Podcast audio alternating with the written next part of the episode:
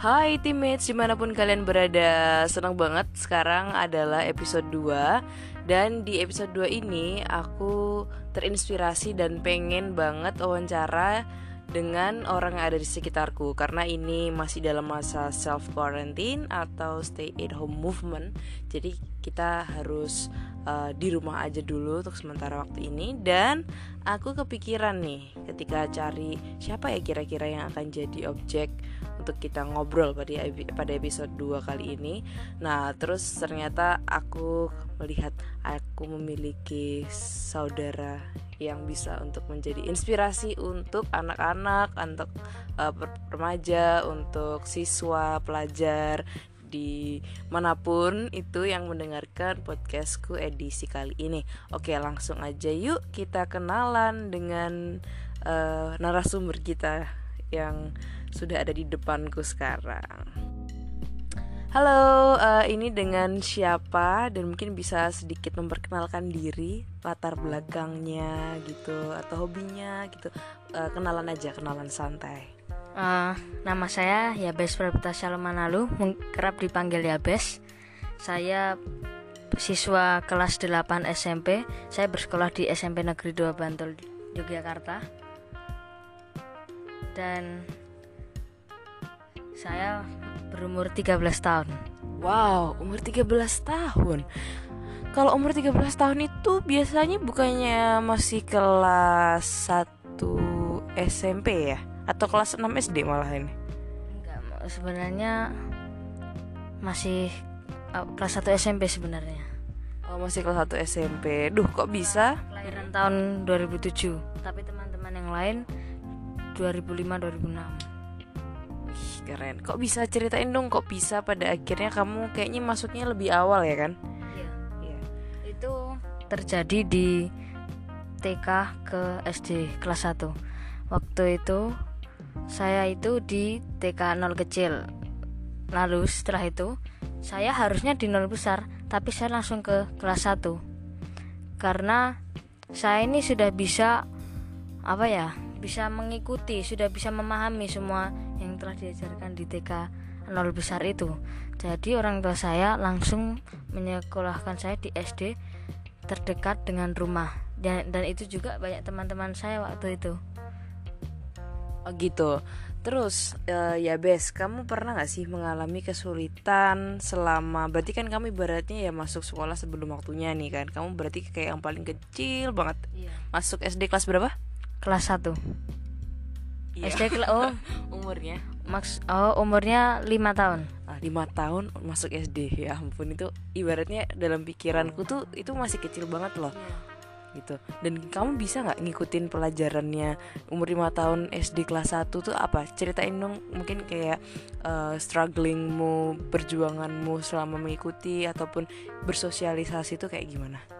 Saya walaupun saya paling muda tapi saya bisa bersosialisasi dan berkomunikasi dengan baik dengan teman-teman yang lain seperti pada umumnya gitu. Saya dan saya bisa mengikuti pelajaran dan buktinya mungkin saya saya mendapatkan ranking 5 besar. Masuk ranking 5 besar? Iya waktu SD kelas 1 wow itu keren banget sih. Gimana uh, uh, gimana kamu bisa menjadi ranking 5 besar? Padahal mungkin orang-orang kan mungkin ya mungkin untuk anak uh, dua tahun dua tahun di bawah yang seharusnya gitu ya kan dua tahun kan berarti. Itu mungkin kan dipandang sebelah mata emang bisa masuk ini ini. Kamu gimana nanggepin komentar orang-orang yang kayak gitu? Ya yang penting itu kalau belajar itu sebenarnya tuh sejak kecil ya harus apa jadi aku diajarkan dari kecil untuk bisa begini begini gitu. Dan akhirnya aku pun apa itu namanya oleh orang tua terus apa disuruh rajin belajar dan aku bisa mengikuti waktu TK gitu aku sudah mengerti gitu udah bisa membaca berhitung menulis gitu dan waktu kelas 1 pun ya tidak apa itu namanya tidak bingung gitu untuk melewati kelas 1 itu wait iya yeah. by the way uh, aku tadi tertarik sama statementmu yang orang tua itu ikut andil dalam perkembanganmu kan pastinya yeah. nah uh, kamu bisa cerita nggak sih gimana kok kamu itu bisa udah baca udah bisa baca mungkin udah bisa sedikit demi sedikit berhitung segala macam seperti itu di usiamu yang masih di bawah lima tahun berarti umur berapa mulai bisa baca? Saya tiga tahun sudah bisa membaca. Tuh di umur tiga tahun udah bisa baca itu metode apa sih? Gimana sih caranya orang tuamu tuh kok bisa uh, membuat kamu tuh jadi seperti ini gitu loh? Coba cerita ya bes ya saya waktu umur tiga tahun masih bari, masih balita itu saya lebih suka membaca gitu ya apa membaca anak-anak gitu. Lalu orang tua saya mendukung keluarga saya mendukung untuk sering membaca lagi gitu. Terus dia mungkin kalau ada kesalahan apa di evaluasi orang tua saat ini terus lebih dilancarkan lagi membaca dan terus diajarkan lagi menulis setelah bisa membaca berhitung gitu. Jadi dasar awal masuk di SD itu sudah mengerti gitu. Tidak keduduran. Keren banget sih. Wah keren. Padahal dulu kalau aku sendiri umur lima tahun kayaknya baru mulai ngeja baca sih kalau umur lima tahun itu biasanya di TK nol kecil ya. Wow keren banget. By the way juga aku penasaran kamu hobinya apa? Saya ini hobinya membaca ya karena dengan membaca itu pikiran saya menjadi lebih tenang lebih rileks itu lalu mungkin saya menonton TV karena karena saya belum memegang handphone ya. Jadi saya kamu belum punya gadget ya bes? Belum. Kenapa? Ada alasan khusus nggak? Padahal anak ya ampun anak zaman sekarang itu ya anak SD aja udah dipunya HP gitu loh. Meskipun yang mungkin nggak dibawa ke sekolah sih tapi udah punya handphone kayak gitu. Kamu kenapa? Apakah emang nggak nggak boleh di uh, apa namanya nggak boleh bawa HP nggak boleh punya HP karena ada alasan khusus atau emang kamunya nggak mau? Saya kalau dikasih kecil ya mau tapi orang tua saya tuh bukan nggak boleh saya untuk memiliki HP tapi belum waktunya. Belum waktunya kata orang tua saya gitu. Tapi untuk masalah komunikasi mungkin dari WhatsApp atau lainnya yang berhubungan dengan komunikasi guru dengan atau belajar gitu saya menggunakan dengan HP keluarga gitu. Misalnya kakak saya atau mama saya gitu. Dan lagi pula mungkin untuk menghindari efek kecanduan HP mungkin. Tapi saya terbiasa dengan itu Wah keren banget. Ini inspiring banget sih Apalagi untuk anak-anak seusia Yabes ini Lagi bener-bener getol-getol banget ya Untuk main game gitu. Nah kamu tapi punya merasa perasaan yang kayak uh, Kok aku gak punya ya Temenku pada main game Pada punya sosial media Instagram Atau apa pada Itulah pokoknya ngerti sendiri kan Gimana gitu. Nah, kamu punya merasa konflik batin gak akan itu kayak gimana cara kamu how how you solve that feeling gitu loh. Kamu merasa kamu tuh berbeda dari dari sini adalah berbeda itu kamu adalah orang yang bener-bener gak punya alat komunikasi handphone, smartphone kayak gitu sama sekali. Ya pasti pernah ya merasakan itu ya mungkin lebih berbeda dari yang lain. Tapi saya tuh lebih terbiasa dengan HP makanya apa itu saya tuh tidak akan iri gitu dengan yang lain karena saya sudah terbiasa gitu. Dan untuk komunikasi dengan yang lain saya masih bisa memakai HP orang tua atau saudara saya. Gitu tapi pernah nggak kayak disindir teman? Maksudnya kayak ditanyain teman kayak kamu punya HP nggak? Ini oh pernah. Terus saya ditanya kamu punya HP nggak? Terus misalnya nih enak gamenya makanya dibeliin HP dong gitu. Download dong gitu. Ya saya menanggapinya ya diam aja gitu. Ya tidak apa sih tidak tersindir gitu. Tidak cemberut iri gitu. Wah keren banget nih. Uh, itu keren sih karena apa ya susah untuk zaman sekarang ini kita itu nggak punya yang namanya smartphone gitu. Tapi kamu kalau bisa survive dengan itu berarti kamu keren banget ya bes. Terus aku juga jadi penasaran kamu cita-citanya apa? Saya bercita-cita menjadi dokter ya. Dok menjadi dokter dokter spesialis penyakit dalam wow kamu nggak ngeri apa jadi dokter apa bedah? Kayak misalnya kan otomatis kan kamu harus melihat organ tubuh manusia dari luar apa yang di dalam itu kan kamu harus nggak boleh apa ibaratnya uh, merasa ngeri gitu loh. Kamu kamu emang kenapa? Kenapa kamu pengen jadi dokter spesialis uh, organ dalam? Karena menurutku itu tuh tantangan ya menarik ya. Mungkin orang-orang itu mungkin tertantang untuk wah apa ini menjadi dokter gitu. Apa khususnya menjadi yang seperti bedah penyakit dalam gitu. Dan lagi pula mungkin ada yang masalah penyakit dengan organ dalam kan dok dokter menolong. Ya jadi menolong orang yang mungkin organ dalam yang memiliki penyakit itu ya jadi dokter bisa menolong gitu. Dan saya suka menolong orang lain makanya saya ingin menjadi dokter Wih, cita-cita yang mulia ya. Keren keren keren.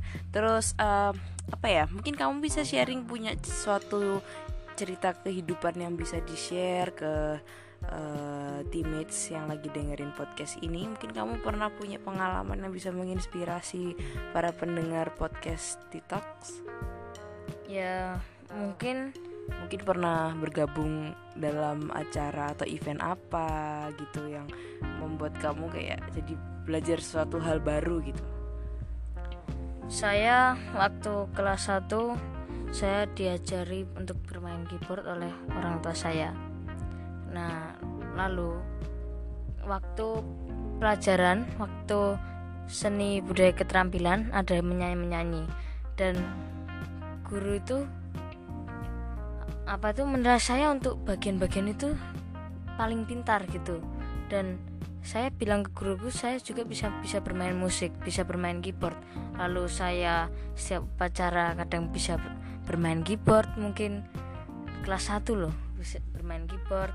Nah lalu saya menyanyi juga bisa gitu dan sering mengiringi waktu mungkin apa perpi apa wisuda kelas 6 gitu. Dan dari kelas 2 sampai kelas 6 saya mendapatkan ranking 2 dan kepintaran itu saya sering ikut dilombakan.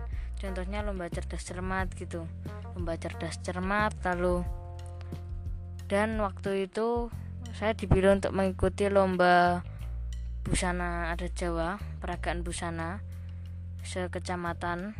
Lalu saya saya tidak malu karena teman-teman saya tidak mau ada yang dipilih lalu saya ingin gitu dan akhirnya saya bisa membawa menjadi juara dua. Dan waktu kartinian peragaan busana Jawa lagi waktu di SD sama yang paling aktif gitu kalau di kartini gitu sering mendapatkan juara Wow, keren banget ya.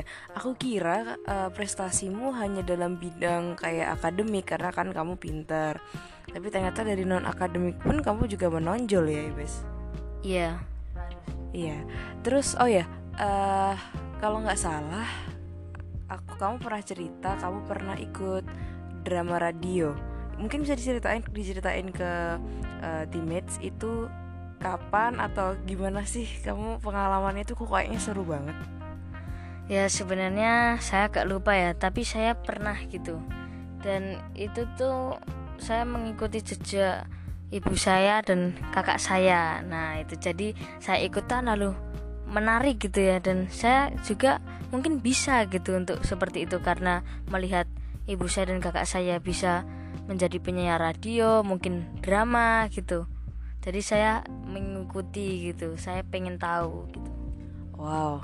Itu kira-kira umur berapa ya ketika uh, drama radio itu? Itu berarti kan di di apa namanya direkam gitu terus disiarkan dari lewat radio kan? Bener seperti itu kan? Iya. Berarti paling ya waktu ketika masih kecil banget ya, ya itu ya? saya agak lupa gitu terus mungkin pernah ikut uh, kayak teater atau mungkin yang pementasan-pementasan gitu sebelumnya? Belum. Belum tapi saya mungkin apa su oh saya waktu di dekat Taman Pintar itu kan ada kayak apa kayak seni gitu, kayak gedung seni gitu. Dan saya taman ah, taman budaya. Nah waktu itu saya juga menampilkan drama juga gitu yang mengisahkan tentang hidup sehat gitu. Dan saya ikut drama-drama itu gitu. Dan saya ya berhasil membuat penonton itu ya terhibur. terhibur ya. Wow keren banget. Kamu baru kelas 2 SMP tapi kamu udah punya segudang uh, pengalaman dan juga experience-nya itu di bidang apa tuh tadi? Uh, musik itu tadi sama yang fashion show gitu ya. Wow keren banget. Kamu punya pesan dan kesan nggak untuk para generasi muda terlebih yang seumuran kamu nih? Gitu karena ya mungkin supaya mereka terinspirasi untuk bisa mengejar cita-citanya atau lebih uh, serius dalam belajar sekolah gitu. Mungkin kan kamu mungkin di sekitar kita ini kan terdapat banyak anak model-model anak kecil anak-anak uh, pelajar gitu kan mungkin kamu bisa memberikan tips and triknya kamu dalam belajar itu kayak gimana? Uh, menurut saya pesan saya adalah rajin belajar tekun lalu agar bisa meraih cita-cita sukses di masa depan dan bisa membanggakan orang tua gitu.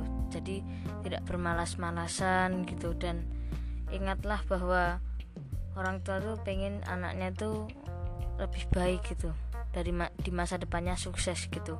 Dan itu harus dilakukan gitu Wow, teammates kalian bisa dengar sendiri kan bagaimana ya Bes itu dengan baik menyampaikan uh, tipsnya dia dalam belajar dan dia memiliki apa ya ibaratnya uh, moto hidup ya untuk membahagiakan orang tua itu adalah hal yang sangat positif yang bukan hanya untuk pelajar aja seusia dia tapi untuk uh, kita semua yang menjadi anak dari orang tua pasti juga pengen memberikan yang terbaik juga untuk orang tua kita. Oke deh, uh, terima kasih banyak ya Bes atas waktunya. Uh, uh, seneng mungkin uh, kamu bisa ngomong sepatah dua patah kata gitu apa pun mungkin. Uh, terima kasih ya karena telah apa saya dijadikan menjadi narasumber. Ya saya sangat senang gitu saya bisa memberikan inspirasi dan motivasi kepada orang yang mendengarkan Titox. Yeah. Yeay, senang banget. Oke deh Titox itu eh Titox eh teammates itu tadi uh, perbincangan seru kita sama ya best ya kiranya uh, apa yang dia ucapkan itu bisa menginspirasi kita semua untuk uh, percaya bahwa cita-cita kita itu bisa menjadi kenyataan. Kalau kita dari sekarang dari kecil itu udah mulai menabur atau ibaratnya belajar dengan sungguh-sungguh ya kan? Mendalami apa yang menjadi interest kita gitu dan berani untuk mengambil pengalaman-pengalaman yang sudah tersedia di sekitar kita. Oke deh, gitu dulu uh, Talks kita pada episode 2 kali ini. See you uh, in the next podcast in the next episode. Okay, goodbye. Bye.